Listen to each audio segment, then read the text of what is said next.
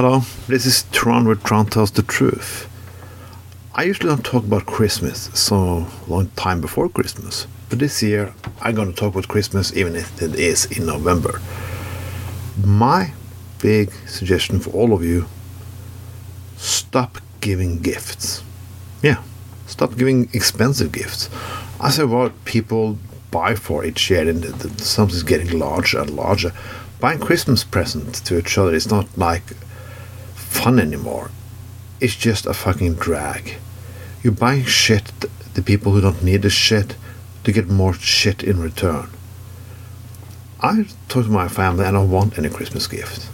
I can rather use the money to, to travel to see them or have a meeting outside with eating dinner or something. But giving more shit, I have all the books, DVDs, socks, and everything I need in life.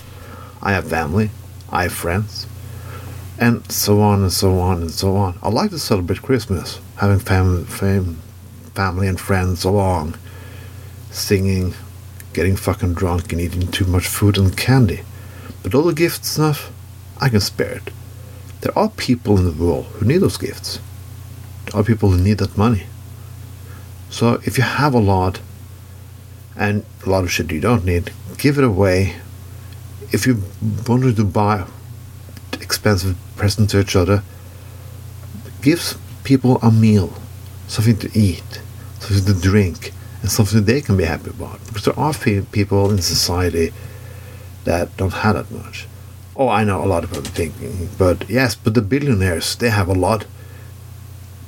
Isn't it their time to give? Yes, it is their time to give. But solidarity and how we treat each other cannot rely on the billionaires. It relies on everybody of us. If we show a wave of compassion and to do things differently, think differently, and so on, maybe we can create something that world that billionaires won't be assholes like that.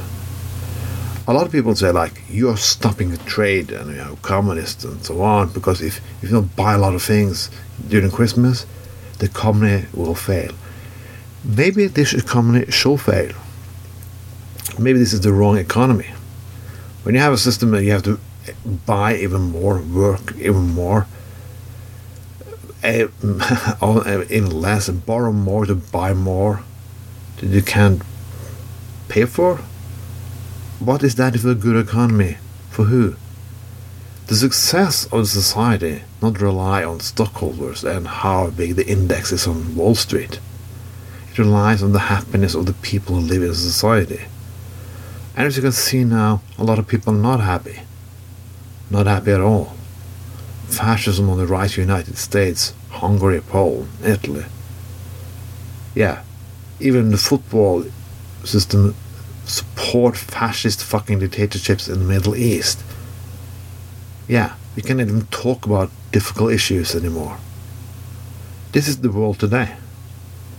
This is the world I shall celebrate Christmas in.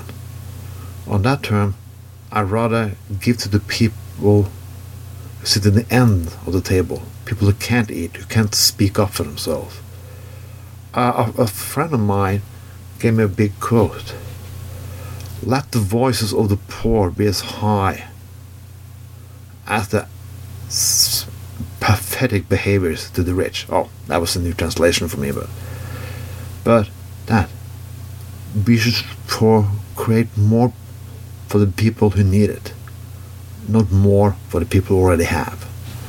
This was Tron with Tron Tells the Truth. Have a nice fucking Christmas.